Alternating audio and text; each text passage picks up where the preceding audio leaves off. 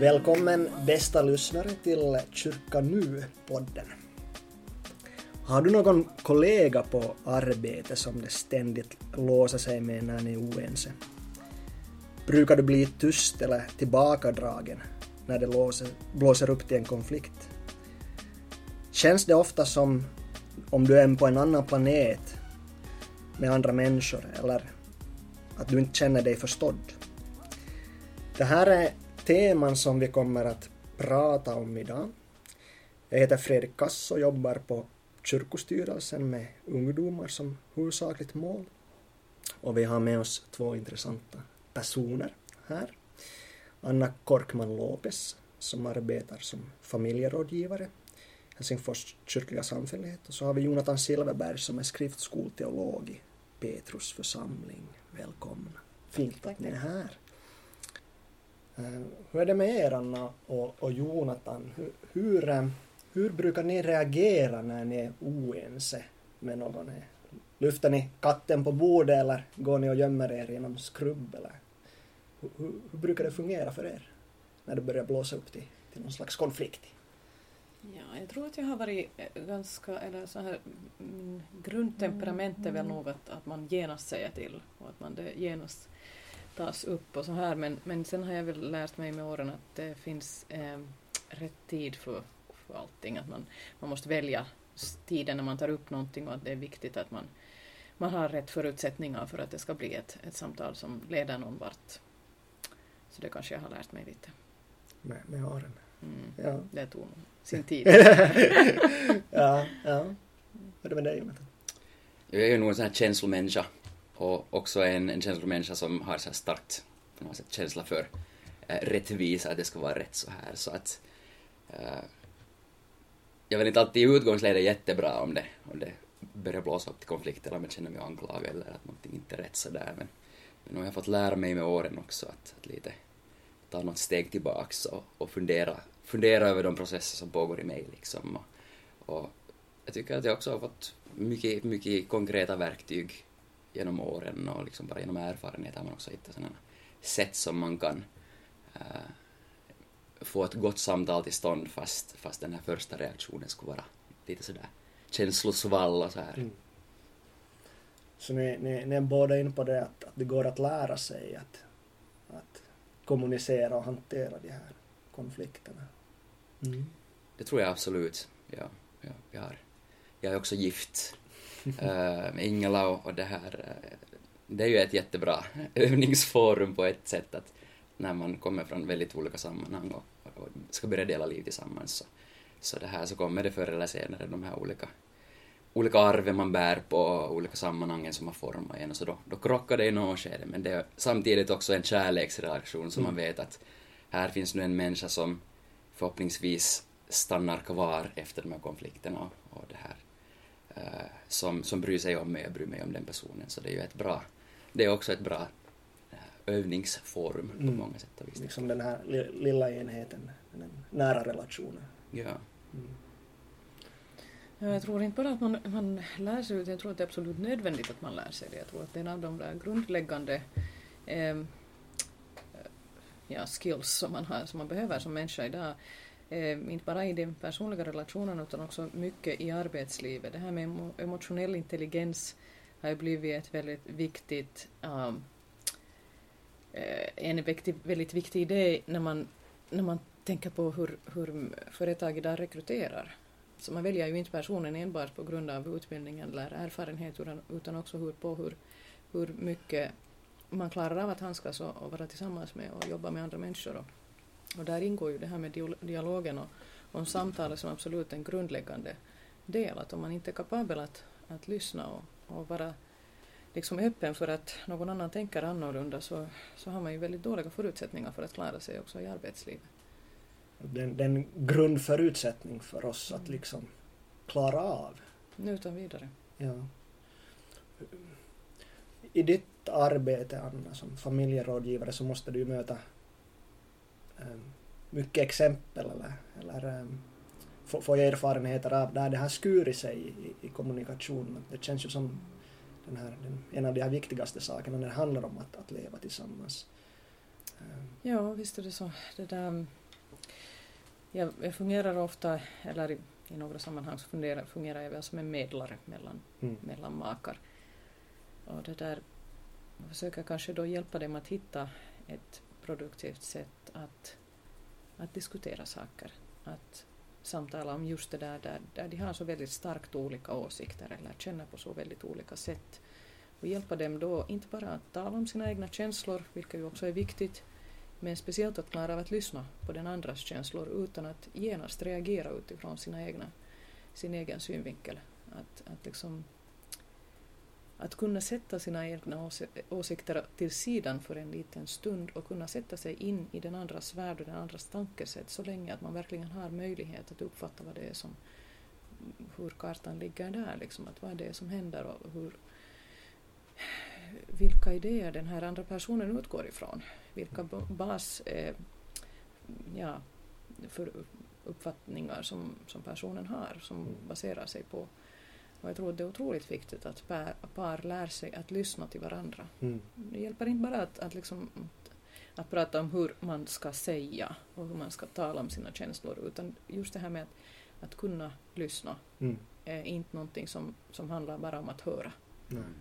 utan det är verkligen att kunna, kunna liksom empatiskt eh, sätta sig in i en annan pers Mm. persons perspektiv och, och situation. Det tror jag är viktigt.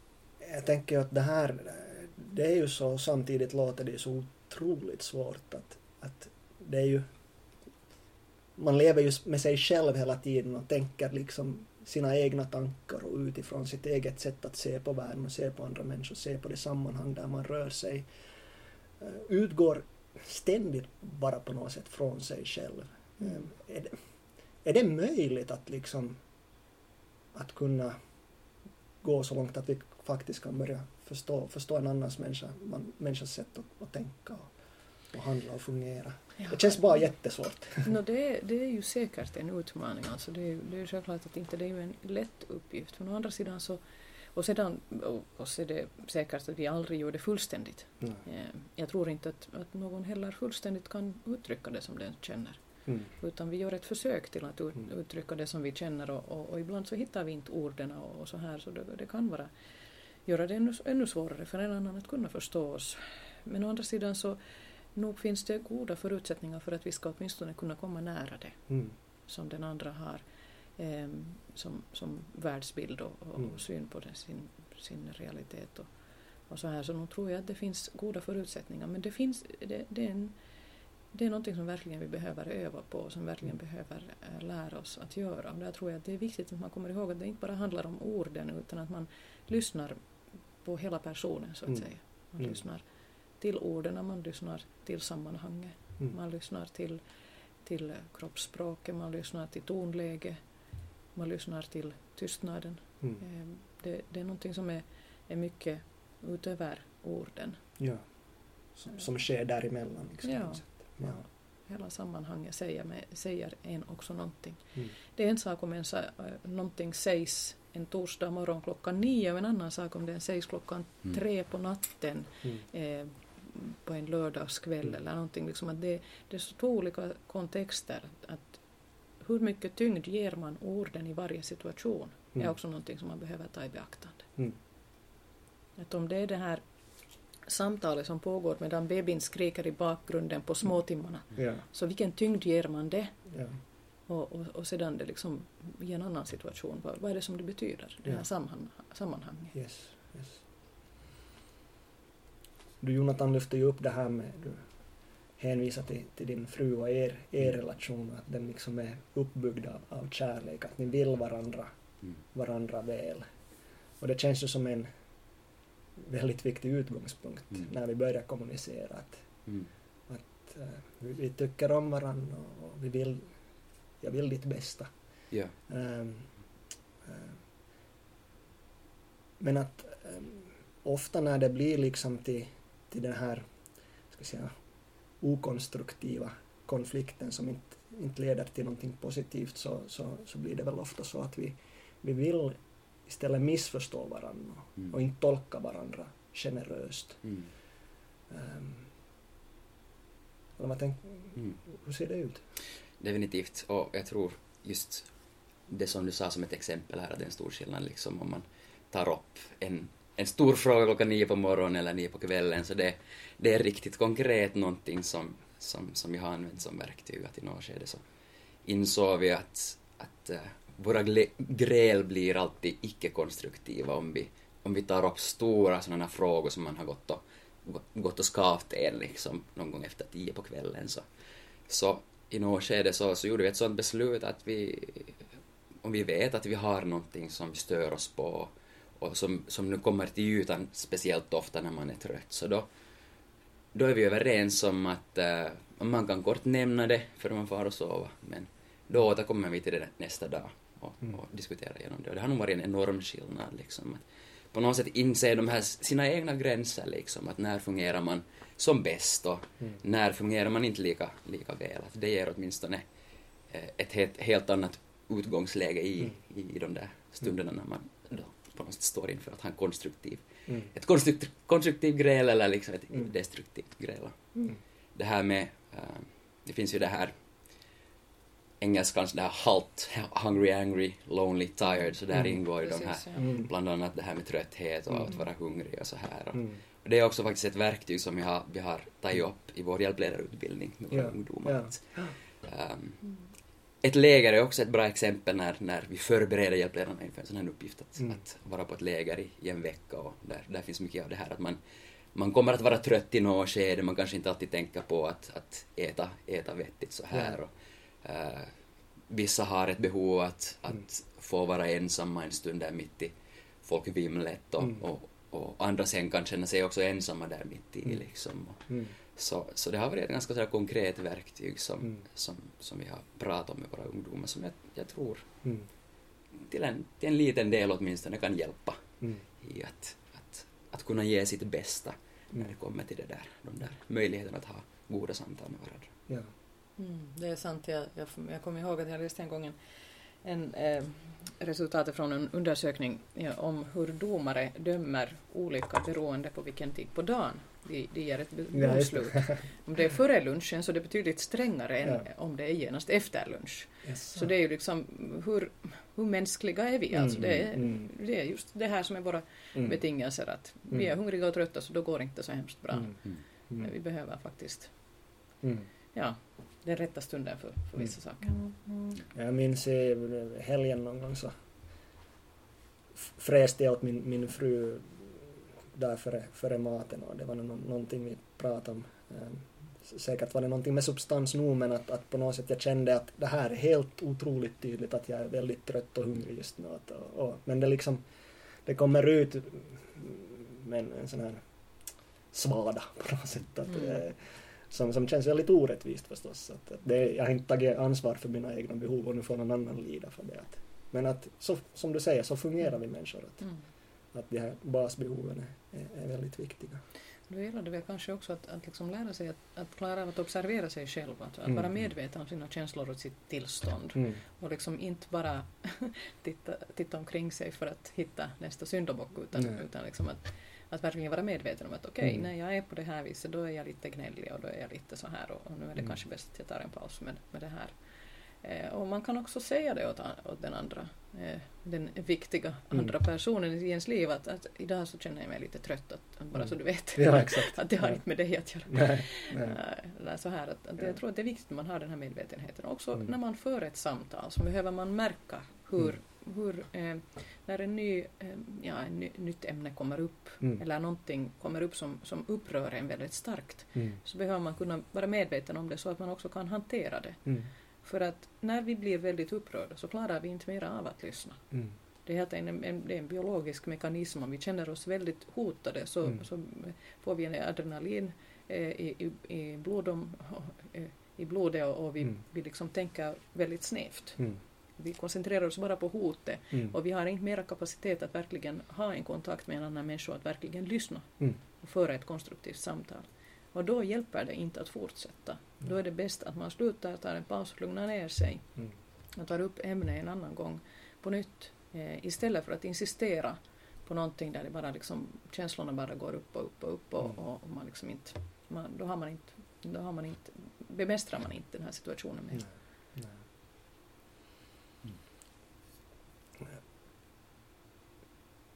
Jag, eh, min, en kollega som var, var på den här Educa-mässan, alltså mässa för, för lärare och sådana som jobbar med pedagogiska yrken och, och där var det här Martti Ahtisaari och, och tala. Han, han inledde sitt tal med att, att prata om, om familjen som, som eh, det som, som lär oss demokrati, att det är den här första, första platsen på något sätt där vi, där vi uttrycker oss och uttrycker behov och där vi försöker liksom få, få det att funka och försöker få förstå varandra helt enkelt.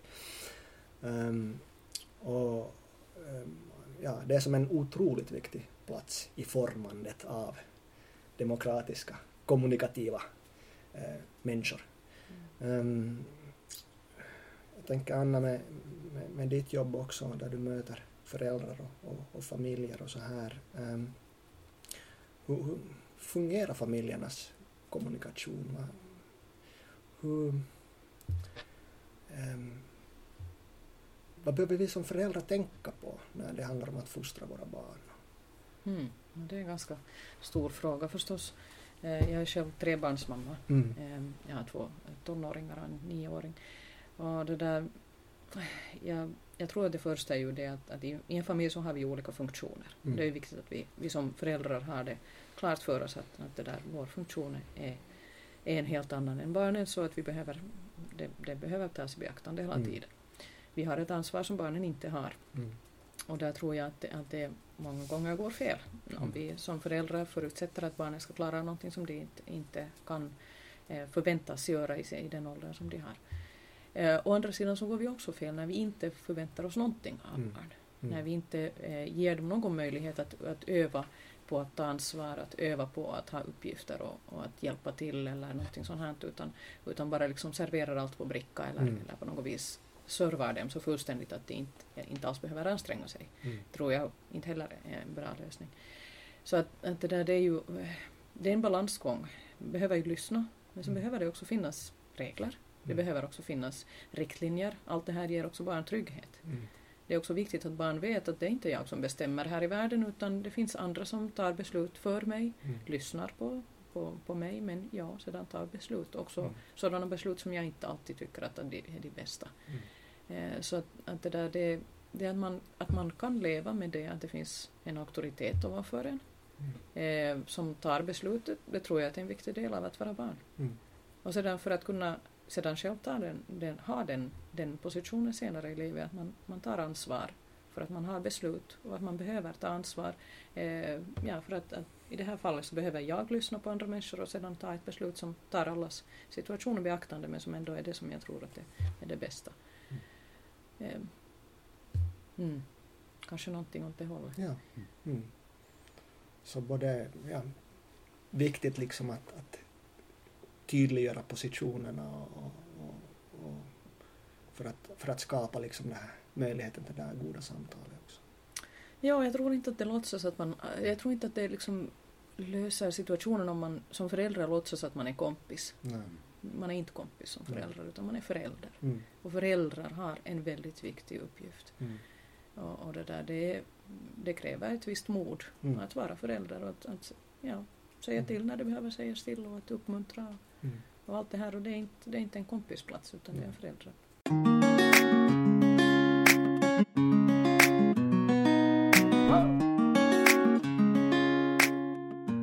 Det skulle vara intressant att, att höra lite om era åsikter om det här det, det, det diskussionsklimat, det debattklimat som, som vi, vi har idag. Um, jag tycker själv, det är säkert en subjektiv åsikt, men säkert också andra som, som tänker så att det, liksom, det blir allt mer på något sätt polariserat, att vi håller, håller oss i våra, på våra håll och kanter så kastar vi lite stenar på varandra. Och, och, och det känns som om det som vi liksom försöker prata om här och försöka eftersträva det här goda mötet, det goda samtalet, så känns väldigt svårt ofta när man följer med liksom diskussioner, speciellt kanske då på, på nätet. Det här, äh, vi läste en artikel här Eh, tidigare om, eh, som, som finns på New York Times, ehm, där är nu minns jag inte vad den här författaren heter, men, men, men rubriken så, så var, för, för den artikeln var det The Dying Art of Disagreement. Alltså den utdöende eh, konstformen av att, att vara oense. Typ. Och han skriver så här, den här författaren, på, på ett ställe. So here is where we stand. Intelligent disagreement is the lifeblood of any thriving society.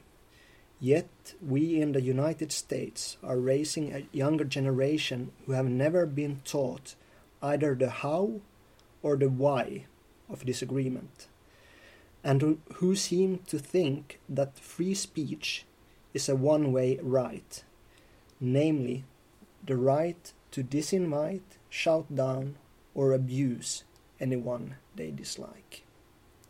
Och så fortsätter han då. Den ähm, ganska liksom ehm, pessimistisk syn på, på, på samhället på något sätt, eller där vårt, vårt, äh, vår förmåga att kommunicera, och speciellt på den här yngre generationen, att, att, att vi håller på att resa upp en generation som, som inte klarar av den här, den här, det, här, det goda samtalet.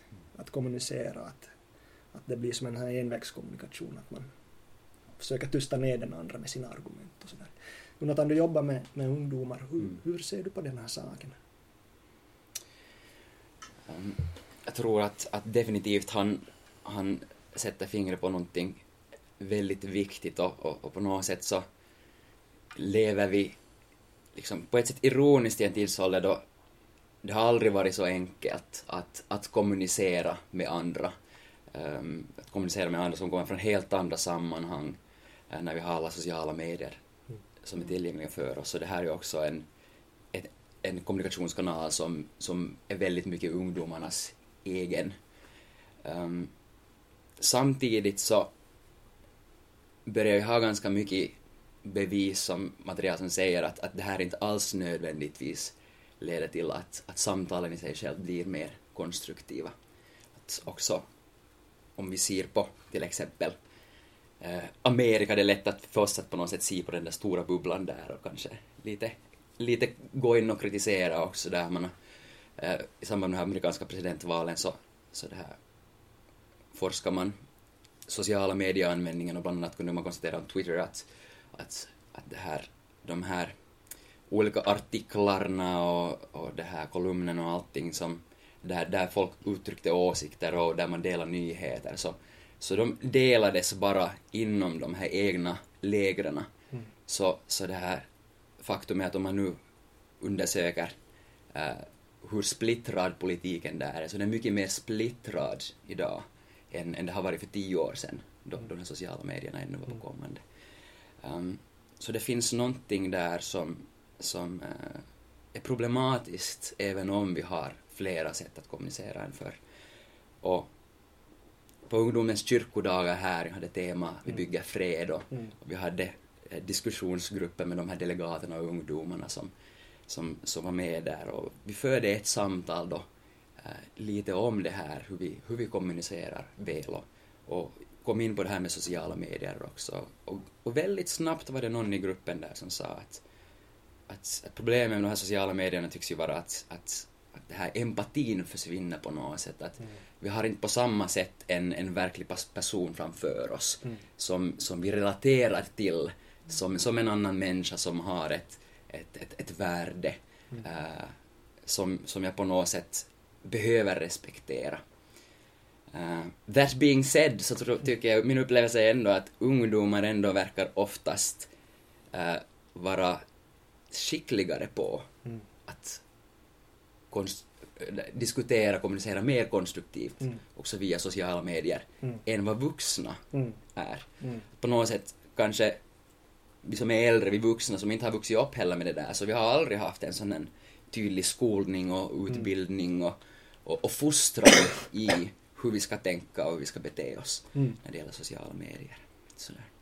Så jag har tänkt mycket, mycket kring det här, sociala medieanvändningen och, mm. och ungdomarna och mm. hur det ser ut med de här goda samtalen där och, mm. och vad som är gott och vad som kanske på ett sätt där vi behöver tänka, tänka till mer. Jag tänk, tänker ännu på där vid ungdomens kyrkodagar att där hade vi just där i, man sitter ju som en liten riksdag där man har plenum och man di diskuterar olika frågor som, som ungdomarna själva har lyft upp och, och det finns där i plenum då kanske två sätt att, att föra fram sina åsikter. Antingen att man kommer upp till talarstolen och talar och så har vi en sån här chattvägg då, den andra där man kan skriva liksom eh, vad man tycker och tänker och sådär och, och det kommer upp på en vägg. Och, och, och jag tyckte de fick ju det att funka jättebra med den diskussionen, väldigt så här bra och respektfull diskussion. Eh, men man såg liksom ändå att, att där det blir lite mera påhopp så det sker liksom på, mm. på chattväggen och inte lika, i lika stor utsträckning i, i talarstolen i år i alla fall. Yeah. Um, och det, det, visar, ju, visar ju på någonting att det är lättare liksom på något sätt att vara sådär frän när man mm. inte har det där ansiktet framför på något sätt. Yeah. Och när man inte behöver visa sitt eget ansikte. Ja. Mm. mm. Jag tror att det har mycket med det också att göra. Att mm. man, om, man, om man på nätet kan vara anonym mm. så är det mycket, mycket lättare att folk uttrycker sig på ett ja, på ett respektlöst sätt eller som mm. ett sätt som de knappast skulle använda i, all, i, i riktiga livet så att säga. Mm. Eh, face to face med någon mm. alltså. Eh, det är det här med hur mycket förstår vi det här som vi kommunicerar med nätet, kommunicerar vi med en människa eller kommunicerar vi med någon, med någon slags representant för en grupp som vi har i vårt huvud? Mm. Där vi klassar in folk i, i, i boxar och säger mm. att ja men du är en sån där så. Mm. mm. Eh, och då kan jag tänka vad jag vill om dig mm. och så här. Att man, det här med det här lyssnandet, det, mm. det blir väldigt bristfälligt mm. i min åsikt. Ja. Ja, jag, jag, tror, jag vet inte riktigt om, om jag menar sociala medier så har ju, det är ju, det är ju en enorm förändring och jag vet inte om vi ännu vet vad det kommer allt att leda till. Jag tror inte att vi ännu kan säga det eller kan se det. Mm. Och det, är ju, det gör ju, ger ju enorma möjligheter men det gör ju också att folk, ja, de tar bort tid kanske från annat som, som de då, ja, det hade mister de de här sociala kontakterna direkt, alltså mm. det här eh, att vara närvarande mm. med någon. Alltså det, finns, det finns undersökningar som påvisar att, att folk som spenderar mycket tid på Facebook till exempel mm. känner sig mer deprimerade när de mm. lämnar Facebook än när de kom in på Facebook. Mm. För att ja, där ser vi ju alla de här mm. fina fotona från mm. folks semestrar och, och, och, så tänker vi oss att alla andras liv är så mycket trevligare än mitt och så vidare. Och, och, vi, har inte liksom, vi har inte kontakt med, med den egentliga verkligheten, mm. de här människornas liv, utan bara av en, av en fasad mm. som de väljer att visa. Och, och, det där, och det, den känsla av gemenskap eller den känsla av att verkligen bli förstådd så kan vi inte få genom Facebook, utan vi behöver de här personliga kontakterna mm. också.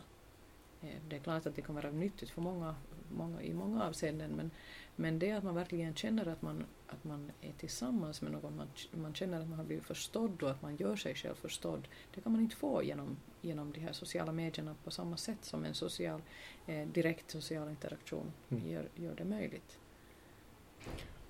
Mm.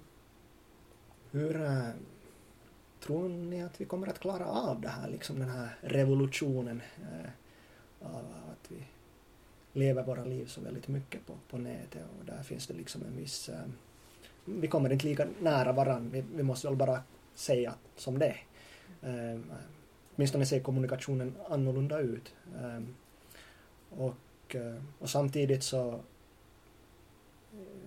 det finns väl ingen, ingen väg, väg tillbaka på något sätt. Att, att den, den verklighet, den värld som, som vi lever på nätet är också en, en, en verklig värld. Och så här. Att kommer, och samtidigt blir det mer polariserat av mm. det här som, som mm. vi snackade om. Att, vad, kommer vi att fixa det här?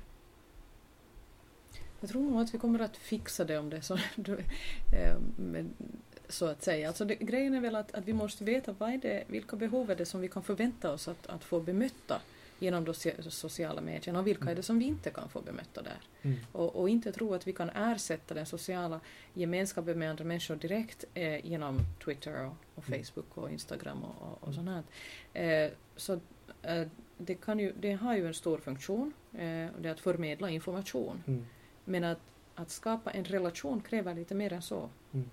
Eh, och jag tror att det, det handlar väl bara om, om, om eh, vi har klart för oss, för oss vad man verkligen kan förvänta sig att hitta mm. i, i de sociala medierna. Och det, ja, det är ju en enorm tillgång, det gör ju väldigt mycket möjligt. Mm. Och jag tror inte alls att, att vi skulle vilja gå tillbaka eller, Mm. eller göra oss av med det utan, utan tvärtom så behöver vi bara inse vad, vi, vad det är som vi inte kan hitta där. Mm. Så att vi inte söker det där Mm. det inte finns att få. Mm.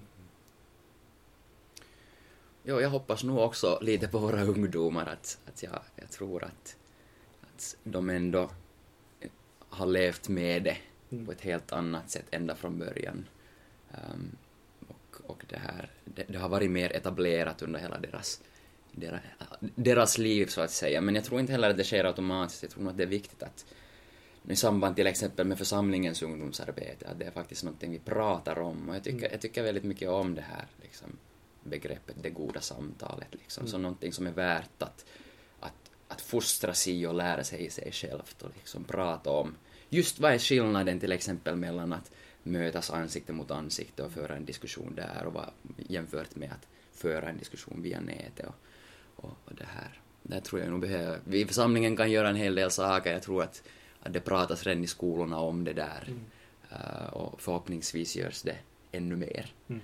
eh, i framtiden. Så jag, jag, jag vill nog lite tro på, på de kommande generationerna så, så vill jag hoppas också på, på de äldre generationerna att vi, vi, vi lär oss eh, kanske vi lär oss lite genom den hårda vägen på ett Mm. sätt. Jag tror att, att det finns också många som eh, tröttnar på, på de här väldigt polariserade, hårda diskussionerna. Och det är lite oroväckande tycker jag också när man har sån Twitter och Facebook och sånt att där skriver man ju under med sina egna namn. Mm. Och ändå så är det varje, varje vecka ser man sådana här långa diskussionstrådar som helt spårar ut och, Mm. och på något sätt just går till personangrepp, att man håller sig Ja. inte sig till den där, den här sakfrågan. Och ändå, då har man ändå skrivit under med sitt eget namn. Ja. ja. Men att... Men vad, vad behöver vi göra då eh, när vi själva lever våra liv på, på nätet och, och, och diskuterar och samtalar och sådär. Jag, jag läste en, eh, en ur en tidning som heter Nord, heter den. en svensk tidning, tidskrift för tro, kultur och samhälle. Och, ehm, och där ehm, var det ett temanummer kring, kring det här det goda samtalet då. Och, de hade intervjuat två två stycken såna här politiska reportrar och det kommer, kommer det här riksdagsval nu i Sverige i, i, det i år tror jag. Och, och utgångsläget som, som de sa är ju att, att det, det, blir som en, det kommer att bli en brutal liksom, debatt och klimat. Att folk kommer att såga varandra och, och det, det, det kommer inte att bli vackert. Det är liksom bara utgångsläget. Och, och det här och jag, bara jag, jag kände då jag läste läst den här intervjun att, att ehm, um, hur, hur skulle det där liksom kunna leda på ett bra sätt det här landet vidare om vi har ett sånt här, sånt här debattklimat inför ett val. Um, vad, vad behöver vi tänka på när vi, när vi som vuxna, om vi inte riktigt har fattat den här grejen ännu som, som de unga har gjort, uh, när, vi, när vi lever våra liv på nätet, när vi samtalar och diskuterar? Vad är det vi ska tänka på? Hmm. Ja, vad är det som vi är ute efter? Eller vad är det som vi, vi vill uppnå? Vill vi bara tuta ut våra egna åsikter eller vill vi på, på riktigt föra ett samtal? Mm. Det är en fråga också om vad, vad vi söker då. Söker vi bara liksom likes Mm. och, och att få beröm för att vi, vi är representanter för en viss, viss åsikt eller en viss, viss eh, tankelinje och så här. Eller, eller vill vi verkligen ingå ett samtal? Mm. Jag tror att det beror på vad, det som, vad vi verkligen är ute efter. Mm. För jag tror inte alls att det är särskilt många som söker ett samtal utan jag tror att det finns väldigt många som bara vill tuta ut sin åsikt Mm. och det, det går ju väldigt bra att göra det på nätet. Och är det som... Det känns ibland som att just den här polariseringen på något sätt... eh, Det kommer ju upp sen populistiska partier som går, går framåt. Är det, är det till och med så att, att många vill ha det så här? Att man vinner på den här polariseringen Mm. Mm. för sin då politiks... Det, det ger som framgång för, för sitt parti eller... Ja, jag tror att det är många människor som, som känner en oändlig liksom, tillfredsställelse över att nu är det någon som äntligen säger hur Ja, det här som ja. jag har tänkt på alldeles tyst i mitt Ja, hus för mig själv hur många år som helst och aldrig Mm. sagt någonting åt någon och, och då är det någon, någon som nu verkligen låter dem höra. Exakt. Liksom. Nu är det någon som får höra sanningen och så här. Att, att jag tror att det, det ger oss en viss tillfredsställelse. Ja. ja. nu säger de äntligen. Ja. Men inte, inte har jag tänkt liksom själv säga någonting utan jag Ja. bara sitter tyst och, och hör, Ja. hör på. Ja. Så att, att det där, ja, det är liksom väldigt lätt att, att det där göra det via någon annan då. Mm. Och, och då är det ju Mm. inte heller jag som behöver tänka på att, att, att vilka reaktioner Mm. man då får Mm. eller besvara någons frågor eller någonting. Jag, för en, jag har en ställföreträdare där som, som Ja. bryter och mina eh, på min, på, ja, istället för mig så att, att det där Ja, jag, jag vet inte, jag tycker att, att det, det är väl ganska ett knapert samtal det om det. Ja, ja det, det känns inte som ett samtal men det finns tydligen en marknad för, för de här partierna och liksom de populistiska vindarna på Mm. något sätt. Det, Mm. Ehm, det möter någon slags ja, behov eller vad man ska säga, möter någon, någon, någonting i oss eller hos många människor. Mm. Sen tänker jag att det är också kanske en, en del av problemet sen det där också, den där benägenheten då, kanske då från vårt håll, liksom- liksom att just att vi, vi bidrar till en pola- polarisering om vi, om vi bara just utesluter den där externa gruppen och säger de har ex, Mm. extrema åsikter och, Ja, och, och det här, eh, det går inte att tala vett med dem. Att då, Mm. då är vi en del av det där samma problemet liksom. Att, Mm. ja, exakt. att, att det, Mm.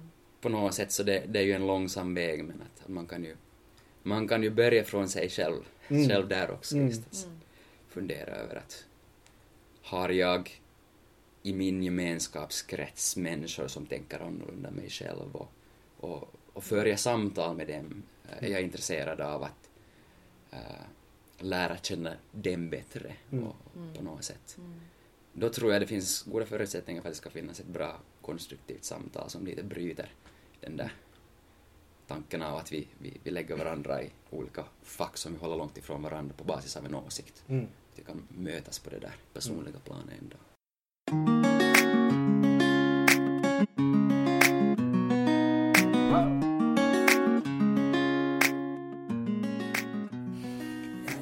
På en väldigt intressant eh, dokumentär här i, här i veckan. Ehm, det handlar om en, en man, Daryl Davis, ehm, en ehm, amerikansk musiker, afroamerikan. Och han, eh, han hade funderat mycket på, på, på hur, på det här med, med rasfientlighet där i USA och, berättar personligen hur han först liksom konfronterades med, med det faktum att folk inte gillade honom för att han, var, han var, hade en annan hu, hudfärg. Eh, men han, eh, han började då ehm, skapa kontakter till eh, uh, sådana som kommer från ett helt annat håll, alltså med, med medlemmar av den här Ku Klux Klan, hö, höger, vit extrem rörelse. Och han började liksom bli vänner med de här ledarna. Och eh, man fick då följa med när, när han liksom for och träffade dem och samtalade med dem. Och, och det var ju som, det var helt otroligt att se att, att det var som, det var en vänskap där. Mm. Eh, att de, de kunde mötas fast de kom, de här Ku Klux Klan-medlemmarna liksom tutade upp ett, ut ett väldigt hatiskt budskap. Och, och, och Daryl då kom, kom in och, och liksom de skrattade och pratade med varandra och liksom. Och det där var ju väldigt, väldigt fascinerande tillvägagångssätt. Ha- Har ni sett den här, den här dok dokumentären? Jag har inte sett den där dokumentären men jag minns, jag minns att vi, det fanns en artikel i Bostadsbladet här någon tid sedan om, om en, ja, eh, en kvinna med invandrarbakgrund i Sverige som, som Mm. började in, intervjua de, eh, de människor som hade motsatt sig henne Mm. då när hon, när hon uttryckte Mm. sina åsikter genom, genom Mm. pressen och så vidare. Och hade liksom verkligen sökt upp dem för Ja. att hitta och kunna Ja. prata med dem och kunna lyssna till dem och Ja. så här och det tyckte jag var intressant att man, att man åtar sig det. ja. Och just som den här Daryl Davis sa, att han, han ville bara reda ut, han hade en fråga egentligen, att hur, hur kan ni hata mig så mycket Mm. när ni inte ens känner mig? Mm. Och, och det, det var det han ville liksom utreda. Då. Ja. Jag har sett den där Ah. samma dokumentären. Någon gång i tiden har jag hört, hört en, en story om en sån där man och Mm. ha, tänkt tänk mig det nästan som en urban legend. Mm. Men så, så, så är just den här samma dokumentären Ja. på Netflix och jag tycker att, att det är ett otroligt inspirerande Mm. exempel. Det är ju det är otroligt modigt. Man måste ju våga väldigt, väldigt mycket. Man lägger, lägger kanske till och med sitt, sitt liv lite på spel när man går, går och blir vänner med, Mm. med en organisation som, som det här kan ta till våld och allt så här. Men, men att eh, på något sätt otroligt inspirerande att se genom hans exempel hur det faktiskt ledde till att sådana höga, höga chefer liksom från Ku Klux- Klan bara genom att det blev ohållbart för dem till sist att Ja. hålla fast vid en viss förakt och hat mot Mm. en viss folkgrupp. Så när, man, när de blev vänner så, så gick det inte att kombinera mera med deras Mm. extrema ideologi och så föll det sönder. Så Mm. jag tycker att, att det är en form av eh, aktivism som, som inte egentligen finns, Mm. men som, Mm. ja, som är ett, ett jätte, jätte inspirerande exempel tycker jag för oss, Mm. hur det kan gå. Men jag tycker att det är, det är intressant att se att i den här situationen så var det ju inte liksom de här övertygande argumenten som Nej. gjorde att, att det här eh, bröt sönder utan liksom att, att, att eh, han, han kom inte bara och, och, och, och liksom spela på deras plan med, med Mm. argument och Mm. jag ska överbevisa dig Mm. om att hur fel du har Mm. utan det var genom den här personliga relationen Mm. och att man upplever varandra som människa. Mm. Jag tror att det, det var en nyckel för att det här skulle vara möjligt. Mm. Jag tyckte det var fascinerande också att se att de hade en, en scen där, eh, där den här Daryl då träffar eh, två unga afroamerikanska eh, män. Och de, de hade varit på, på gatan och då kämpat och, och för, för det, det orättvisor de har liksom fått eh, möta. Eh, och, och så kom det också en, en, en tredje där och egentligen i det samtalet där så, så fick han den hårdaste kritiken för, för, för det han gjorde. Att de kunde inte alls förstå att han liksom blev vän med, med de här som hatade dem så mycket. Att eh, han och, och ja, han, han liksom fick ta emot den, den kriti, kritiken då. Och han sa att det var inte, inte första gången heller. Och kunde riktigt känna på den här besvikelsen de kände för, mot honom då. Att du, du, Mm. du förråder oss. Och, Ja. och, och det här... ehm, men han hade, han hade också ehm, som barn liksom eh, vuxit upp, bott på i olika länder och vuxit upp i olika kulturer. Att, att det kändes som en, en sån här nyckel för honom att Mm. det här med att vi ser lite olika ut och pratar lite olika språk och sådär, det är ju helt, bara, helt självklart, naturligt. Mm. Att, att, att för honom hade det varit viktigt att han kunde liksom, när det handlar om att ta reda på den här frågan och möta de här Ku Klux. Mm. Ja. Vad tänkte du mera Jonathan på någonting kring, kring den här dokumentären? Jag tänker nog att, att det här... Att, ba, ba, bara att se en man göra det där och liksom Mm. vilken effekt det har. Mm. Att det är nog jätteinspirerande att liksom vi skulle...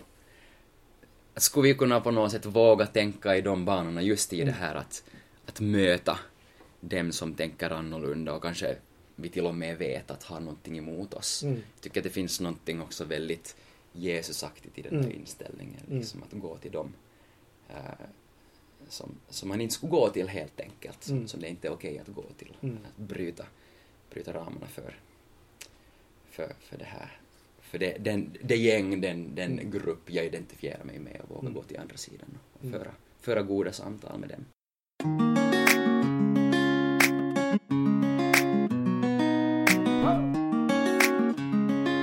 tänkte ännu lite prata om, jag har varit en del in på det, Eh, men eh, komma in på det här med, med gemenskapens roll när det handlar om att, att forma eh, konstruktiva sätt att, att föra samtal. Eh, vi har varit in på att, att vårt behov av gemenskap och, och lite att vi, vi kan inte få, få, få, få helt det fullt liksom på, om vi lever våra liv bara på nätet liksom, utan att vi behöver komma, komma nära, nära varandra på, också fysiskt. Um, jag kom över en artikel här som, som Joel Halldorf har skrivit eh, i den här samma tidningen under rubriken Konsten att sammansluta sig. Han, han tar upp en äh, ett äh, exempel från, från 1800-talet, 1865, en, en baptistförsamling i, i Asker två mil sydväst om Örebro, skriver han. Och han, han beskriver den här församlingen som, som en legering av föreningsiver och individualism. Församlingen var en gemenskap av människor som själva valt att följa Jesus. Och sen då, eh, efter en tid när den här församlingen har funnits där, det var på 1860-talet, så, så började man bilda föreningar i den här församlingen. En för ynglingar, skriver man, och en för fäder, en för mödrar och en för kvinnor.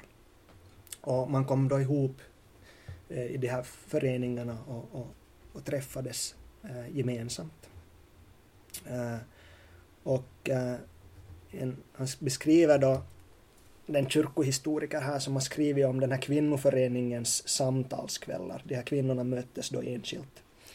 Och han ger liksom ett, ett exempel på hur det, kunde, hur det kunde se ut. Han skriver så här. Någon, oftast en av de äldre medlemmarna, kunde vara särskilt förberedd och inleda frågan, varefter en öppen diskussion följde, där alla hade rätt att yttra sig. Att diskussionerna kunde vara livliga visar sig i det gemensamma beslutet att inte avbryta varandra. Samtalen kunde vara personliga och öppenhjärtiga och medlemmarna kunde delge sina egna personliga erfarenheter och vad de kämpade med på ett personligt plan. Målen var att komma fram till konsensus och protokollen visar endast vid några tillfällen på meningsskiljaktigheter, men då förekom det till och med bland ledarna, vilket visar på ett tillåtande förhållningssätt. Och så skriver han fortsättningsvis så här då. I föreningen förs öppna samtal där svaren inte ges uppifrån utan söks av gemenskapen. Genom denna typ av samtal bidrog väckelsen till, så är det ett citat som en historiker gör, att skapa en ny debattram och en ny sorts offentlighet. Så här skriver Joel Halldorf med ett exempel från 1860-talet när baptistiska kvinnor kom samman för att för att umgås och för att samtala. Och här finns ju både liksom den här gränsdragningen att man, mm. man avbryter inte varandra i mm. samtalet och man mm. lyssnar till varandra. Men. Och, och, och, så här. Um, gemenskapens roll i, i, formande av det konstruktiva, det goda samtalet. Um, håller vi på att tappa, tappa det här med gemenskap? Ja, tyvärr så tror jag att det finns väldigt få få sammanhang idag mera där folk upplever gemenskap. Mm. Ehm, församlingens roll som en, en plats för gemenskap det finns ju en enorm potential i den men jag tror att den utnyttjas väldigt lite mm. i dagens samhälle. Och det där, istället så finns det då gemenskap baserat på arbetsplatsen tror jag mm. många gånger. Mm. Um, ja, vilket ju också då kanske begränsar den, den sorts människor som man kommer i kontakt mm. med till en viss, ett visst område och så vidare och kanske en viss grupp. Och det berikar det ju inte, eh, inte det här samtalet men man har, kommer inte liksom åt människor som är så väldigt mm. annorlunda. Ja, jag tror att, att, det, att det här med gemenskap är någonting som i Finland så, så tror jag att, att i och med att, att också familjen upplevs som enbart den här kärnfamiljen, mm. att man inte ger uh, så stort värde åt, den, åt det här ja, andra familjerelationer som ja, morfar, föräldrar och kusiner och syskon och det här så det, det betonas inte lika mycket och det har ju delvis också gjorts möjligt av det här välfärdssamhället mm. som, som skapar det här oberoende av familjen. Mm. Det vill säga att vi inte behöver varandra på samma sätt som i, som i, i många andra länder så är det ju familjen som är skyddsnätet och som är, är stödsystemet mm. och, och, och så här. Och, och här så behöver vi då inte varandra på samma sätt vilket också gör att vi inte, vi inte uppehåller och när den här gemenskapen. Mm. Eh, och, och, det tror jag berövar oss på mycket. Eh, tyvärr. Jag tror att, att vi skulle eh, må mycket bra av att, att nära de här relationerna. Mm. Eh, nu har vi ju möjlighet att skapa en sådan gemenskap, en sån familj så att säga som, som vi själva önskar men då finns det alltid den där risken att vi då väljer just mm. sådana som är likadana som mm. vi själva och som säger ja till allt vad vi säger och mm. nickar och håller med. Och, och det är inte egentligen det som ger oss bästa förutsättningar just för att öva oss på att samtala, mm. att lyssna, mm. föra en dialog. Mm. Vad tänker du Jonathan? Jag, jag, jag brinner ju nog för den här visionen på något sätt av att, att församlingen ska vara gemenskap och ska på något sätt ta, ta, ta den där rollen som en, en på något sätt inbjudande kärleksgemenskap som inte heller egentligen kännetecknas mest. Vi är väldigt bra på det här med åsikter, att vi har olika Mm. åsikter, tänker olika saker gällande olika teologiska sanningar sådär. Men primärt tror jag inte det, det är en sån gemenskap, det ska vara, det ska vara en, Mm. en kärleksgemenskap och, och, och då uttryckligen en sån där man ska kunna komma eh, från, från väldigt olika håll kontexter och bakgrunden och mötas och vara ense om att, att min delaktighet i den här gemenskapen har inte att göra med en viss sak jag tänker specifikt utan Mm. att, att det, det, det är det som församlingen är, det är en, en kärleksgemenskap. Så det är nog det här något som, som på något sätt ha, har drivit mig liksom in i församlingen och att, som, ja, som gör att jag vill jobba där. För jag vill jobba för den här, den här på något sätt drömmen av att församlingen ska kunna vara en sån, ett sånt sammanhang. Och, och det, det tycker jag är väldigt fint att få, få lite upp, uppleva kanske också via, via ungdomsarbetet. Man arbetar med ungdomar och det är en, en, en jätte, på något sätt viktig ålder. Väldigt, man formas väldigt mycket, man funderar väldigt mycket kring frågor kring ens egen identitet och, och den klassiska frågan att duger jag, räcker jag till? Mm. Och att, att man på något sätt där får försöka göra sitt bästa, att, Mm. att bemöta dem och, och Mm. på något sätt lära sig att föra goda samtal och, Mm. och det här lite dela liv, liksom tankar och, och så här. Så det, det tycker jag att det är Mm. någonting av det finaste som, som, som man kan göra som, som församling.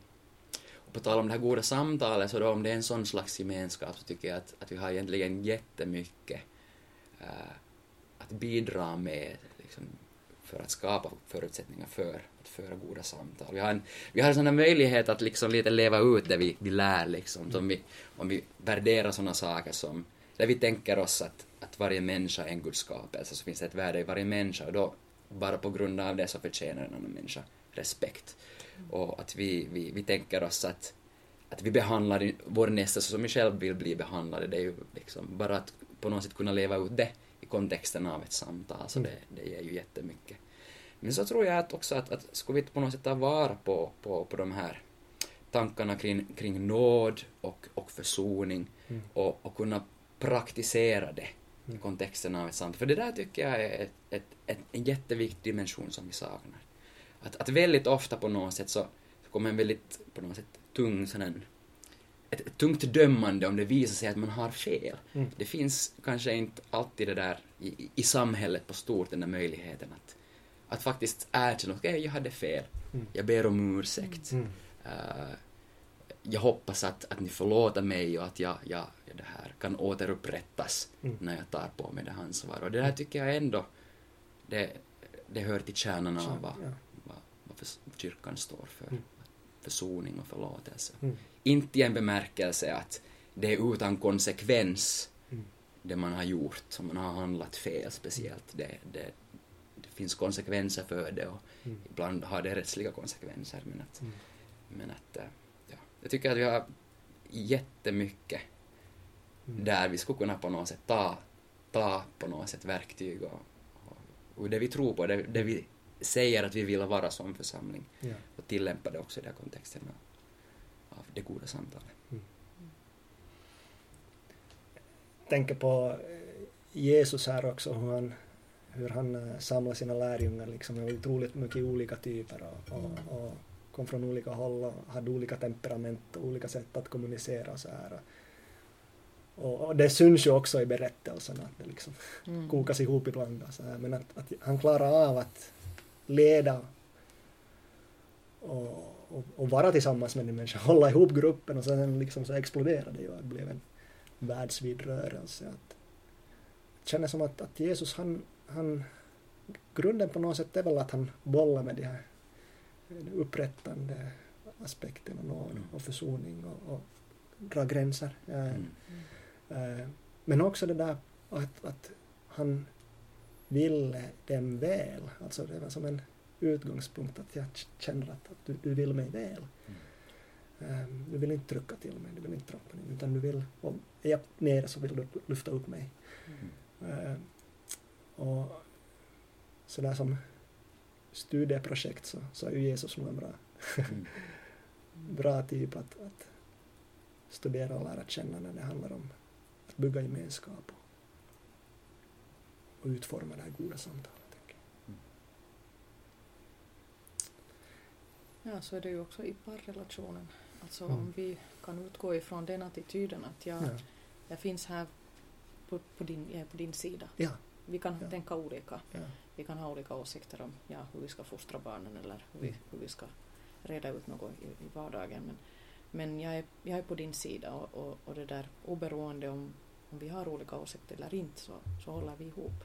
Mm. Och att man, man har den, den liksom möjligheten också att, att gå till grunden då med, med saker som har hänt och, och säga att okej, här var det jag som, som steg i klaveret och, och Mm. gjorde bort mig och, och jag, jag, ja, förlåt att jag inte kunde göra bättre. Ja. Eh, och, och, och, och att kunna säga att jag förlåter dig och det, det är okej, sånt händer och jag har också gjort bort mig. Mm. Och, och det liksom att kunna starta från noll och börja på nytt. Eh, det tror jag är väldigt viktigt för Mm. att skapa den här gemenskapen också inom familjen. Mm. Absolut. Yes, Anna och Jonathan. Otroligt mycket tack för det här samtalet. Eh, det var gott att få vara tillsammans med er. Eh, ta del av, av era tankar kring det här och det, ja, det ger mig hopp.